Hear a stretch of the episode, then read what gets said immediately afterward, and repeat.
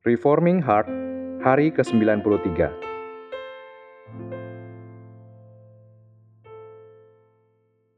Renungan ini diambil dari website pemuda.stemi.id.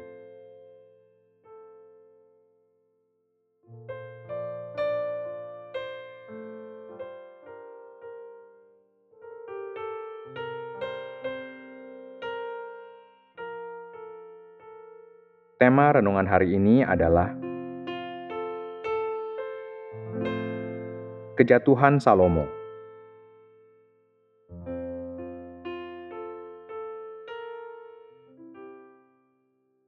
Mari kita membaca Alkitab dari kitab 1 Raja-Raja, pasal 11, ayat 1 sampai dengan 13. Demikian bunyi firman Tuhan. Salomo jatuh ke dalam penyembahan berhala. Adapun Raja Salomo mencintai banyak perempuan asing. Di samping anak Firaun, ia mencintai perempuan-perempuan Moab, Amon, Edom, Sidon, dan Het. Padahal tentang bangsa-bangsa itu, Tuhan telah berfirman kepada orang Israel, "Janganlah kamu bergaul dengan mereka, dan mereka pun janganlah bergaul dengan kamu, sebab sesungguhnya mereka akan mencondongkan hatimu kepada Allah-Allah mereka."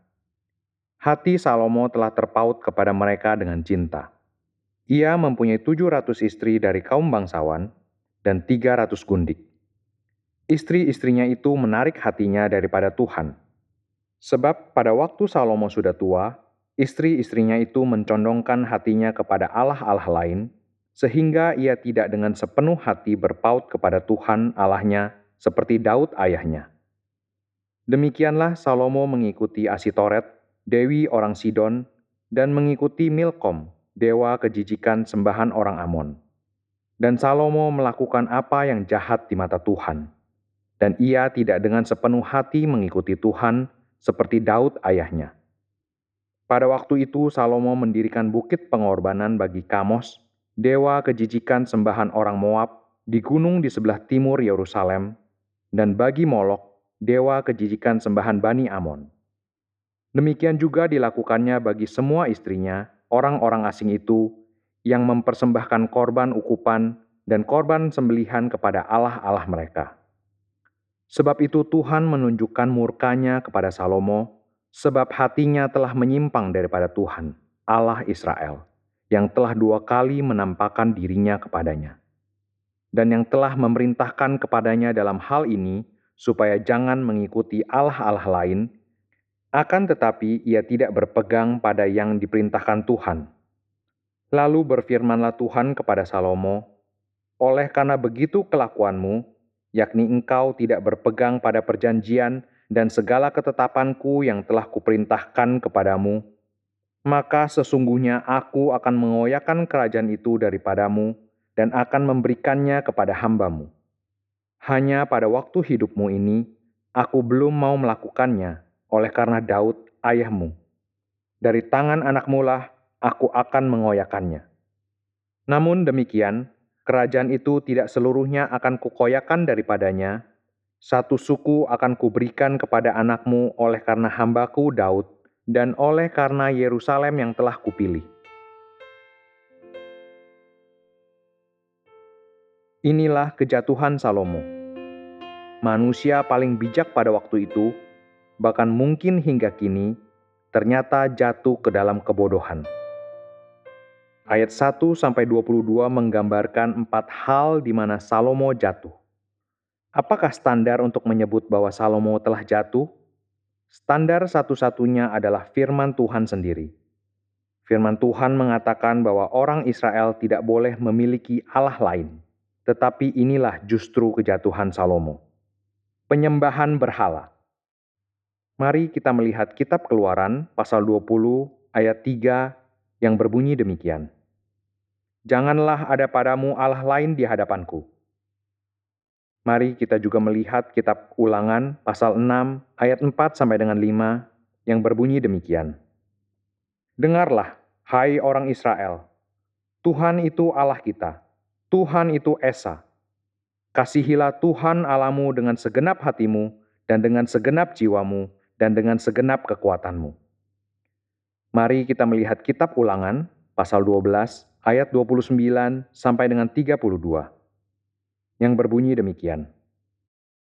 Apabila Tuhan Alamu telah melenyapkan dari hadapanmu bangsa-bangsa yang daerahnya kau masuki untuk mendudukinya, dan apabila engkau sudah menduduki daerahnya dan diam di negerinya, maka hati-hatilah, supaya jangan engkau karena jerat dan mengikuti mereka setelah mereka dipunahkan dari hadapanmu, dan supaya jangan engkau menanya-nanya tentang Allah mereka dengan berkata, bagaimana bangsa-bangsa ini beribadah kepada Allah mereka. Aku pun mau berlaku begitu. Jangan engkau berbuat seperti itu terhadap Tuhan Allahmu. Sebab segala yang menjadi kejijikan bagi Tuhan, apa yang dibencinya, itulah yang dilakukan mereka bagi Allah mereka. Bahkan anak-anaknya lelaki dan anak-anaknya perempuan dibakar mereka dengan api bagi Allah mereka. Segala yang kuperintahkan kepadamu haruslah kamu lakukan dengan setia. Janganlah engkau menambahinya ataupun menguranginya. Kitab Ulangan, pasal 13, ayat 4 sampai dengan 5, yang berbunyi demikian. Tuhan alamu harus kamu ikuti. Kamu harus takut akan dia, kamu harus berpegang pada perintahnya, suaranya harus kamu dengarkan, kepadanya kamu harus berbakti dan berpaut. Nabi atau pemimpi itu haruslah dihukum mati, karena ia telah mengajak murtad terhadap Tuhan Allahmu yang telah membawa kamu keluar dari tanah Mesir dan yang menebus engkau dari rumah perbudakan. Dengan maksud untuk menyesatkan engkau dari jalan yang diperintahkan Tuhan Allahmu kepadamu untuk dijalani. Demikianlah harus kau hapuskan yang jahat itu dari tengah-tengahmu. Bagaimana mungkin Allah tidak menghancurkan dia yang telah berkhianat dengan begitu berani? Tetapi keperdosaan Salomo tidak langsung mulai dari dosa penyembahan berhala. Dosanya dimulai dari hal yang sepertinya tidak terlalu berbahaya. Mari kita lihat apa yang dikatakan oleh kitab suci. Yang pertama, Salomo mencintai banyak perempuan asing. Dalam satu Raja-Raja pasal 3 ayat 14, Tuhan telah menyatakan syarat agar Salomo dan kerajaan Israel terus menikmati berkat Tuhan, yaitu dengan hidup menurut jalan yang telah Tuhan tunjukkan. Salomo gagal melakukan itu dengan mencintai perempuan-perempuan asing, walaupun Tuhan telah melarangnya di dalam ulangan pasal 7 ayat 1 sampai dengan 4. Mengapa Tuhan tidak mau orang Israel kawin campur dengan penduduk Kanaan? karena perkawinan itu akan menyeret umat Tuhan menjadi penyembah berhala. Larangan Tuhan diberikan olehnya agar kita tidak menjalani hidup yang rusak. Allah mau manusia menikmati dirinya dan hidup yang Dia anugerahkan. Itulah sebabnya Dia memberikan peraturan-peraturannya. Pikiran kita yang dikuasai oleh kedagingan tidak akan sanggup melawan pikatan dosa yang ditebarkan di depan kita Salomo mengabaikan firman Tuhan ini. Dia menikahi siapa saja yang menarik hatinya, sehingga ia mempunyai 700 orang istri berdarah bangsawan dan 300 orang gundik. Alkitab mengatakan bahwa pengaruh perempuan-perempuan asing ini perlahan-lahan mengubahkan Salomo. Dia tidak langsung dipikat dan dijatuhkan dari Tuhan, tetapi ketika dia telah menjadi tua, Pengaruh yang begitu besar ini membuat orang sebijak Salomo tidak lagi memegang kebenaran. Yang kedua, Salomo menyembah berhala. Setelah Salomo menjadi tua, dia melakukan penyembahan berhala. Dia menyembah dewa-dewa yang menjijikkan. Dia menyembah Asitoret, ilah pemberi kesuburan, dan dipuja dengan seks yang liar. Dia juga menyembah dewa-dewa menjijikan lainnya yang terus menjadi jerat dari kehidupan orang-orang Israel di Kanaan. Salomo tidak sadar bahwa bangsa-bangsa yang menyembah dewa-dewa itu jauh lebih miskin dan lemah dari Israel. Penyembahan berhala sungguh merupakan sesuatu yang bodoh. Bodoh tetapi tidak disadari oleh orang paling bijak sedunia ini. Tidak cukup sampai di sini, Salomo bahkan ikut membakar ukupan memberikan korban, dan sujud menyembah kepada seluruh dewa-dewa para istrinya ini dan mendirikan tempat-tempat khusus untuk menyembahnya di dalam ayat ketujuh.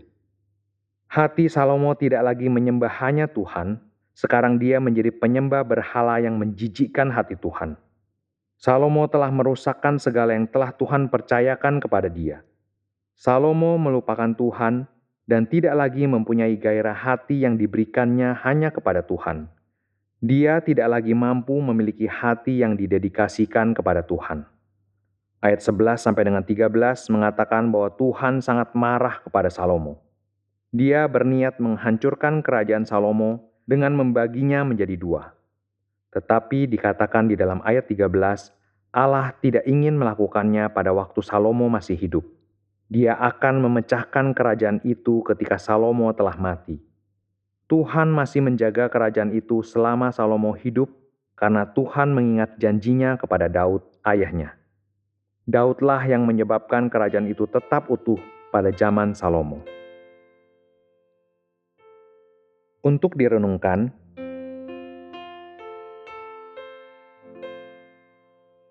marilah kita mengingat tiga hal di bawah ini. Yang pertama, tidak ada dosa yang langsung menunjukkan dampak buruknya. Semua dosa akan memulai godaannya dengan suatu perbuatan yang kecil dan tersembunyi kebobrokannya.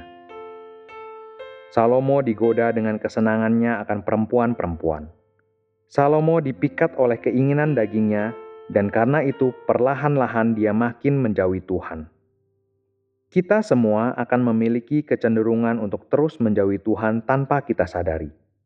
Mungkin kita akan makin malas berdoa dan mempelajari firman-Nya, dan makin tenggelam dalam dosa dan kebobrokan kita sendiri. Kita akan menjadi makin parah, makin rusak, dan kita akan menuai segala taburan yang dengan tekun kita biarkan terjadi pada hidup kita. Apakah yang menjadi hal-hal kecil yang mengganggu relasi kita dengan Tuhan? Adakah kemalasan? Atau penuh dengan hawa nafsu dan percabulan? Atau penuh kemarahan dan semua jenis keberdosaan lainnya?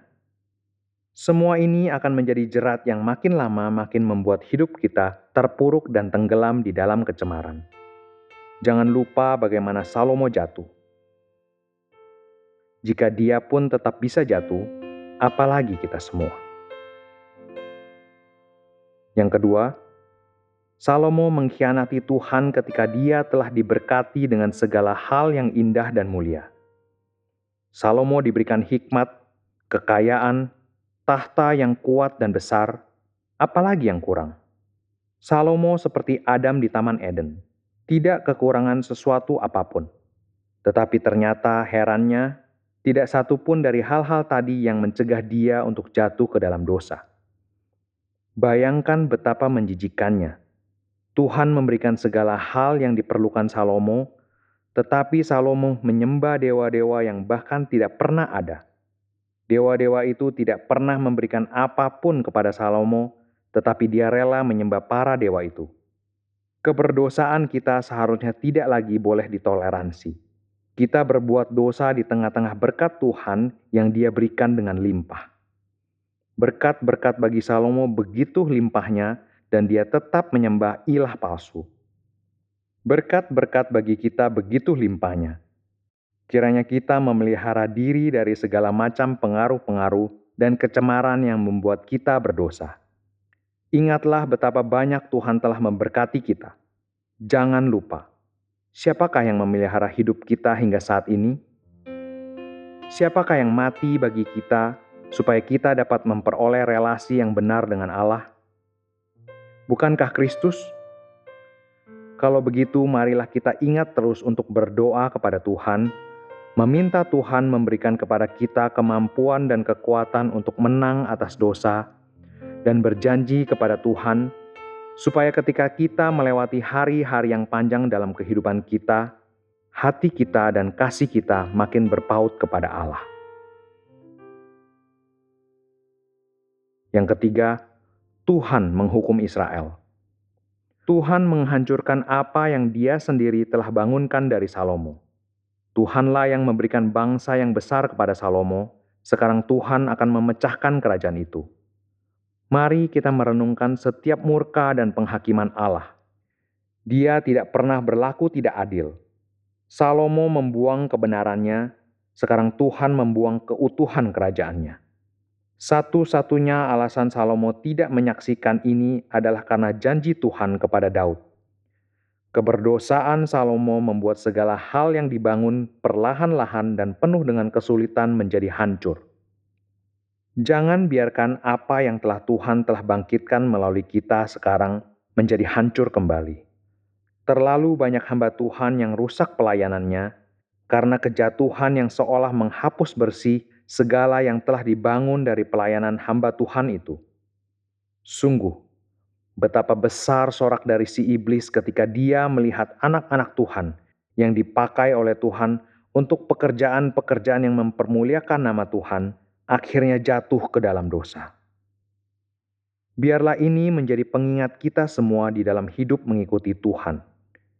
Kiranya Tuhan memberikan kepada kita keteguhan hati untuk melawan dosa. Kiranya Tuhan mengingatkan kita akan hal-hal baik di dalam hidup yang akan menjadi rusak karena dosa kita. Sebelum mata kita melirik orang lain, ingat apa yang Tuhan sudah bangun di dalam keluarga kita Ingat pertumbuhan spiritual dari anak-anak dan pasangan hidup kita yang hancur lebur di dalam dosa perzinahan. Ingat karya Tuhan dalam hidup kita. Jangan hancurkan itu dengan mempersembahkan diri kepada iblis untuk dipakai olehnya dalam merusak pekerjaan Tuhan